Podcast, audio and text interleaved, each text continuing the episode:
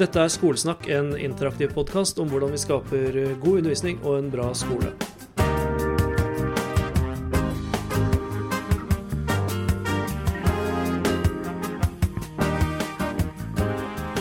Hjertelig velkommen til en ny episode av Skolesnakk. Jeg er som vanlig Moltebakk, Jørgen Moltebakk. Ehm, og i dag skal det handle om å fullføre det man har begynt på, og stå løpet ut. Og jeg tenkte bare før vi begynner at jeg må si at jeg har merka Eller jeg vet at noen har merka at det har vært litt lavere frekvens på episodene etter påske enn det var før påske.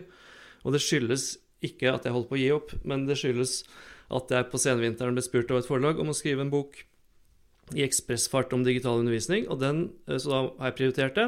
Men når denne episoden er ute, så er kanskje manus sendt, så da blir det fullt trøkk på podkasten igjen.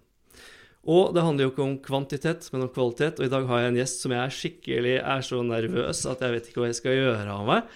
Uh, Guri Melby, kunnskapsminister, er gjest i denne episoden. Hei, Guri. Hei, hei.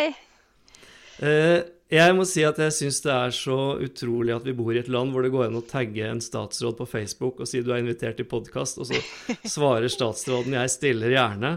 Ja, Uh, det er fint. Ja, det er jo Ja. en av de positive tingene med vårt samfunn at det er tross alt ganske kort vei mellom eh, makta og vanlige folk. Altså. For vi som sitter med makta, vi er også ganske vanlige folk. Ja, og jeg har skjønt det mer og mer, jeg. Ja, ikke sånn- sant? Ja. Og det jeg lurer på, nå ser det ut som du sitter på et ordentlig kontor og ikke et eh, hjemmekontor. Er du i selve Kunnskapsdepartementet? Nå er jeg i Kunnskapsdepartementet, så nå ser du eh, det fine kunsten jeg har på veggen her. Og dette er litt flaut å innrømme, jeg er snart 50 år, men det er ganske nylig at jeg har skjønt at Kunnskapsdepartementet er en virkelig bygning hvor det går an å gå inn, og hvor det sitter levende mennesker som jobber. Ja, og du, det her er jo faktisk litt morsomt, fordi at altså, Kunnskapsdepartementet lå jo tidligere i Y-blokka, helt fram til 22. juli eller, eh, eh, i 2011. Eh, og det som er litt interessant, er at da hadde jeg faktisk eh, akkurat eh, søkt på jobb i Kunnskapsdepartementet som byråkrat, så jeg skulle begynne der i september i 2011. Men da måtte jo Kunnskapsdepartementet finne seg nye lokaler, så nå er vi i en gammel bank nede i Kvadraturen i Oslo sentrum.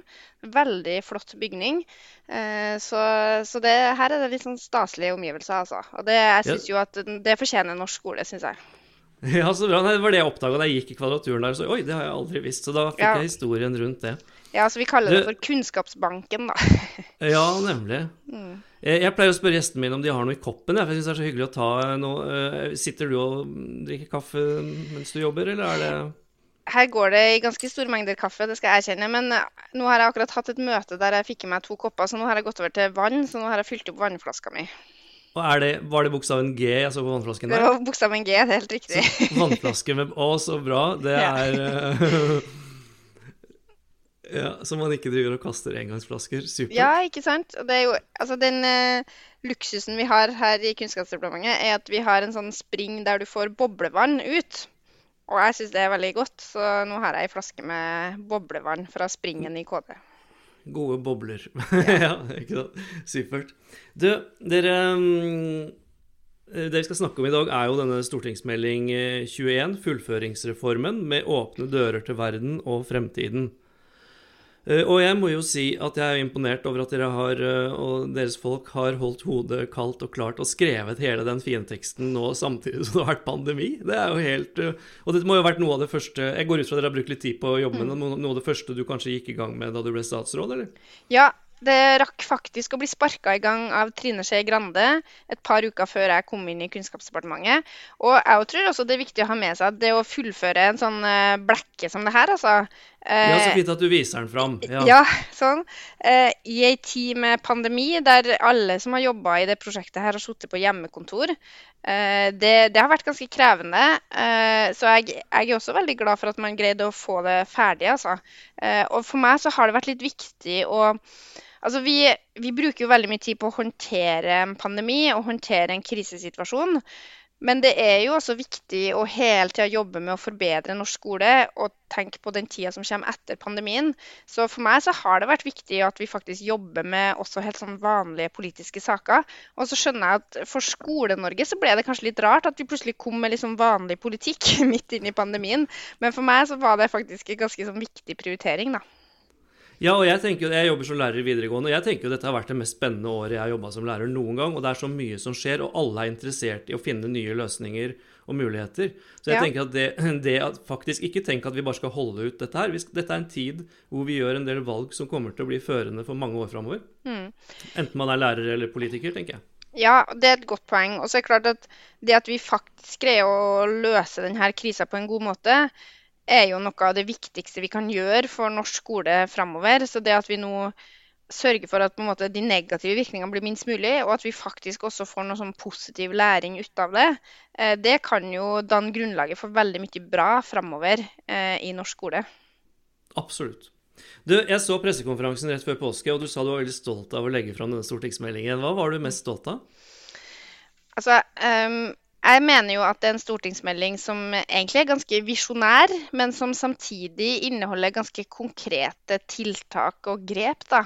Alt fra jo det som jo er kjernen, altså det at vi nå fjerner denne tidsbegrensninga på retten til videregående skole, det mener jeg er ganske sånn eh, gjennomgripende tiltak. da. Eh, nå sier ikke vi lenger at det her skal du greie på tre år. Vi sier at det må være mye større rom for individuell tilpassing.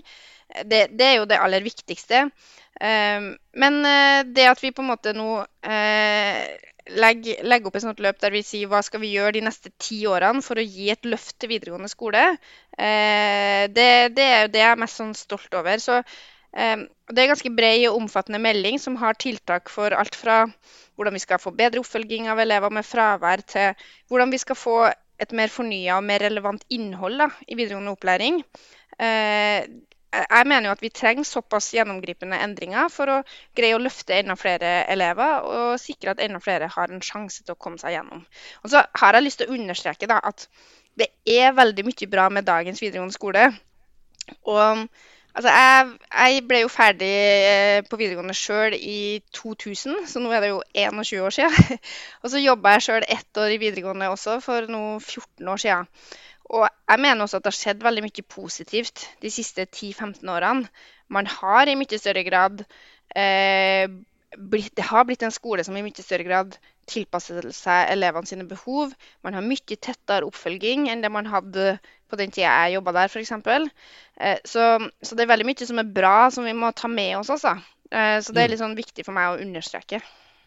Ja, og øh, det er jeg jo helt enig i. Det er jo også mange år siden jeg gikk på, på videregående. Jeg tenker at måten vi følger opp elevene på nå, er noe annet enn det vi opplevde da vi var, var elever. Mm. Absolutt. Og samtidig så syns jeg jo at det dere påpeker med at det har, samfunnet har endret seg radikalt siden 19, midten av 90-tallet, Mm.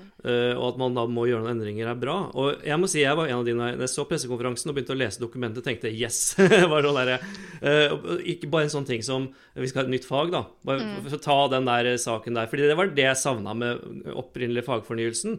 Når, de sa nå skal vi ha en fagfornyelse, og den skal skje innenfor rammene av dagens fag, tenkte jeg ok, dette blir som ekstrem makeover hjemme, men vi skal ikke ha noen nye møbler. Vi skal, Ingenting skal ut, og ingenting Da blir det en ommøblering. Og, og, så jeg ble så utrolig skuffa den helgen etterpå med den debatten som var i det offentlige. Og jeg skjønner ikke hvordan du, det må ha vært for deg, da. Altså sånn, Hva syns du om Jeg vet ikke om du fikk Jeg regner med du fikk med deg Ja, jeg gjorde det. Ja. Ja, det, var jo, det her var jo fredagen før palmehelga, så jeg hadde egentlig en sånn plan om at nå skal vi ha pressekonferansen og ta masse intervjuer og sånn, og så skulle jeg dra hjem og ha påskeferie, men sånn ble det jo ikke. For Nei. da starta jo debatten på sosiale medier. Så det er klart, jeg, jeg var forberedt på at det kom til å bli mye diskusjon om ja, hvilke fag skal man ha, og at disse og disse og disse fagene er viktige. Men den ble nok mer betent enn jeg hadde greid å forutse. Og jeg òg syns jo at altså, det vi først og fremst foreslår, er jo faktisk en utredning. Vi sier jo ikke sånn disse fagene skal ut, og disse skal med, og alt skal være sånn og sånn. Vi sier jo at vi skal ha en bred prosess med involvering av hele sektoren og av fagfolk og sånn. Eh, og eh, det at man på en måte da også sier nei til det, nei til en gjennomgang for å liksom ha en ordentlig runde på har vi virkelig Bruker vi Altså, elevene har 30 timer i uka. De timene må vi bruke på best mulig måte. Er det helt bombesikkert at den måten vi bruker de timene på i dag, er den beste? Jeg ville jo tenkt eh, nei, det er ikke bombesikkert. Så la oss på en måte ta en runde på det. La oss tørre å liksom kaste litt, sånn, kaste litt flere baller opp i lufta eh, og se på om det kan gjøres. Og det som jeg syns faktisk var veldig fint, var jo I går så var det jo høring på Stortinget eh, om, eh, om denne stortingsmeldinga. Og en av dem som har vært kritisk til en del av det vi sier om fagene, eh, Ragnhild Lid, hun sa jo også at eh, selv om hun er uenig i noe av det som står i meldinga, så er hun helt enig i at det trengs en gjennomgang av fagene. Så det, jeg tenker at det er en litt sånn fin holdning. Man kan godt si at det dere skriver om sånn og sånn, det er jeg ikke enig i, men vi trenger en gjennomgang. Ja, og det, jeg så at i den høringen i, går eh, at det var veldig mange som har hatt innspill, og sånn, og det har nesten ikke vært omtalt i media. ikke sant? Når, når det blir grundige nyanser, så er det ikke så interessant lenger. Det er jo frustrerende. Men da er det fint at vi kan snakke sånn som dette her, da. Ja, og jeg opplever jo også at eh, Altså nå, eh, jeg får sikkert litt, jeg vet ikke om jeg har et helt representativt bilde, men når jeg snakker med folk som jobber i skolen, og sånn, og vi kan snakke litt sånn rolig gjennom det, så er jo også synspunktene mer nyanserte enn det som kommer fram på disse 140 tegnene på Twitter, i hvert fall. Ja, ikke sant. Eh, et viktig tema i dette her er jo forholdet mellom yrkesfag og studieforberedende. Eh, og jeg oppfatter at det også drukna litt, hvor, hvor opptatt dere er av, av yrkesfag. Og jeg kjente nå at etter hvert som denne debatten her rulla, og jeg ser at alle går og kjemper for sine fag ikke sant? Alle mener at eget fag er det viktigste, og kan ikke forestille seg hvordan man kan gå ut i verden uten å ha hatt det faget, enten det er historie eller naturfag eller hva det er. For min del så er det psykologi. ikke sant? Det, skulle, det er vanskelig Altså, jeg skulle gjerne hatt det som gjennomgående fag. Men etter hvert så, så tenker jeg at jeg kjenner på et sånn ubehag, fordi jeg gikk det som het handel og kontor. Uh, som, da, som er en yrkesfaglig studieretning. Så jeg har rett og slett gått videregående uten disse fagene, historie og religion. Og jeg tenkte, Tør jeg si dette høyt? Jeg har ikke sagt det høyt før når jeg sier det til deg. Fordi jeg har jo en, en HF-utdannelse senere med litteraturvitenskap og idéhistorie og sånn, så jeg er jo absolutt veldig for de fagene.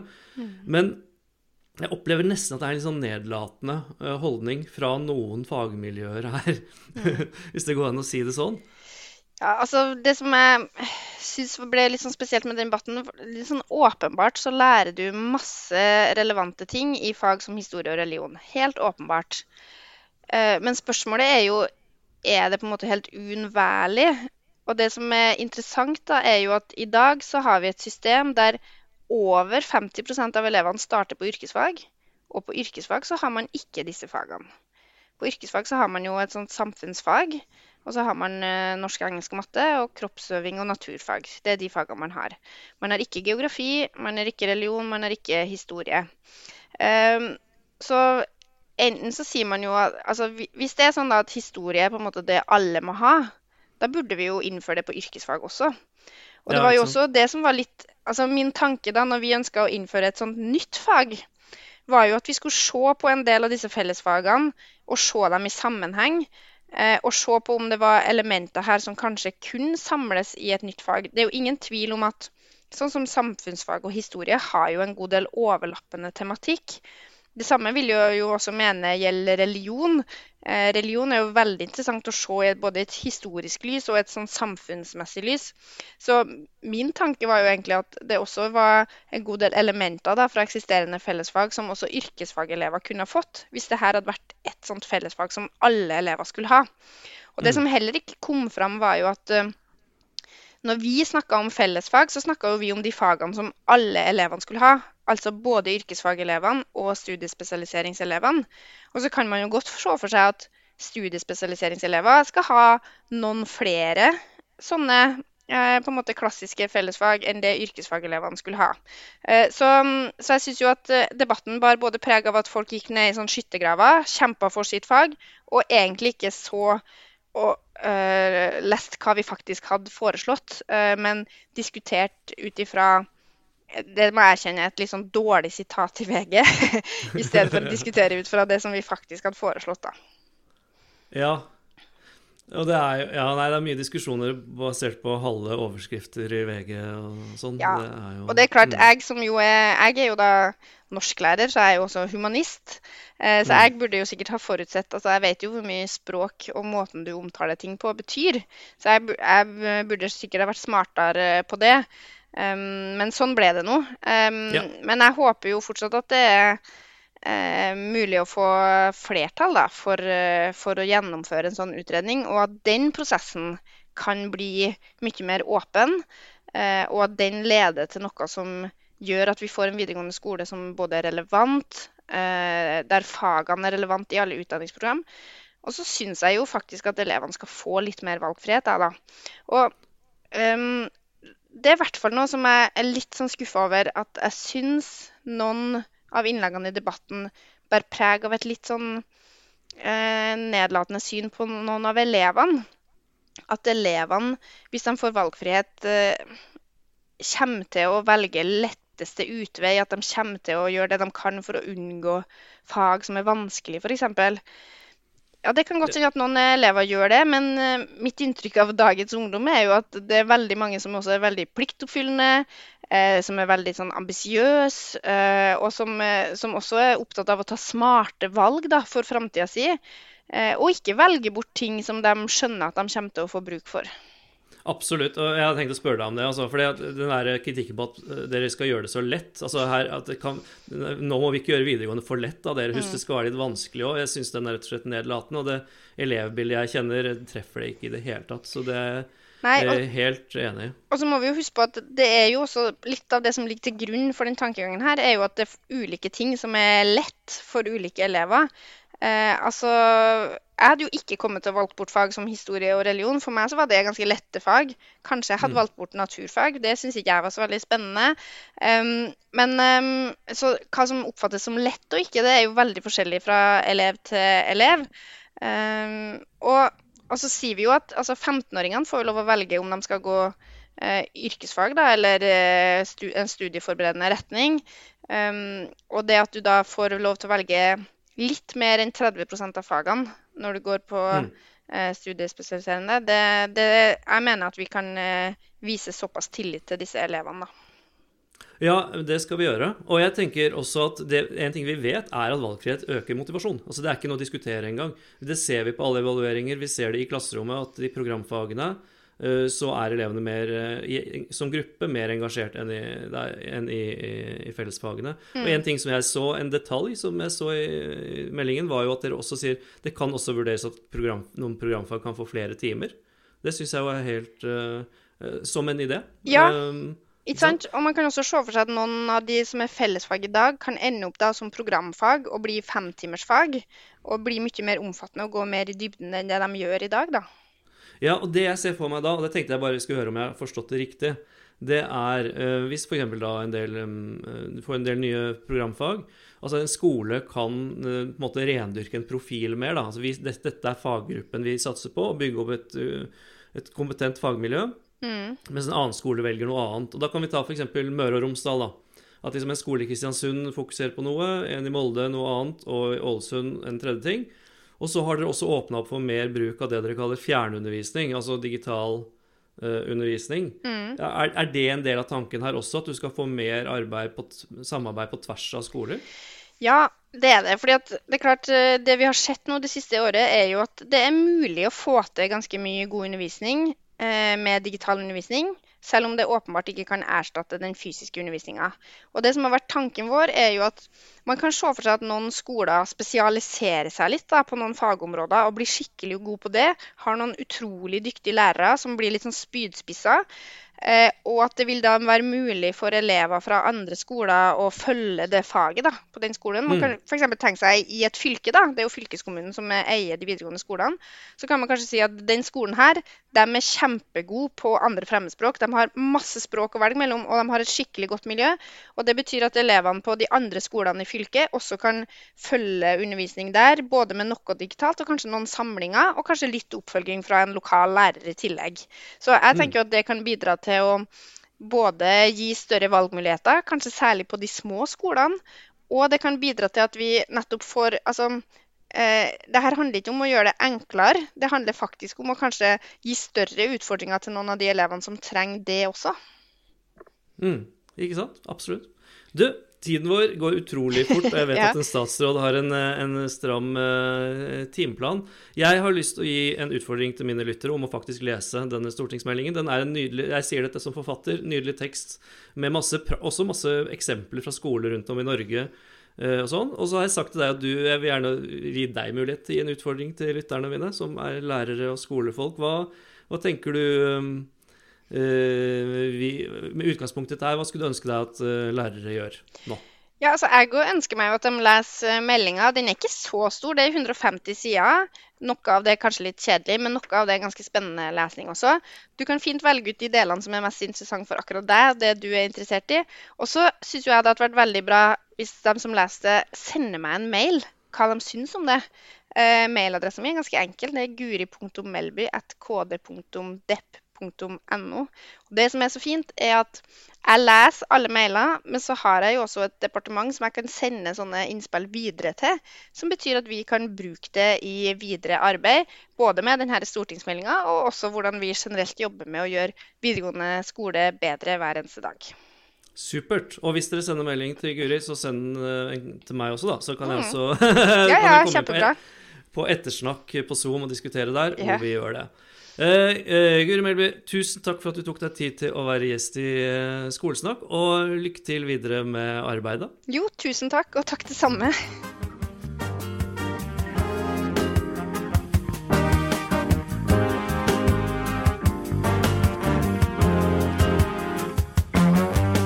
Skolesnakk er en uavhengig interaktiv podkast som produseres av Moltebakk Media og Undervisning.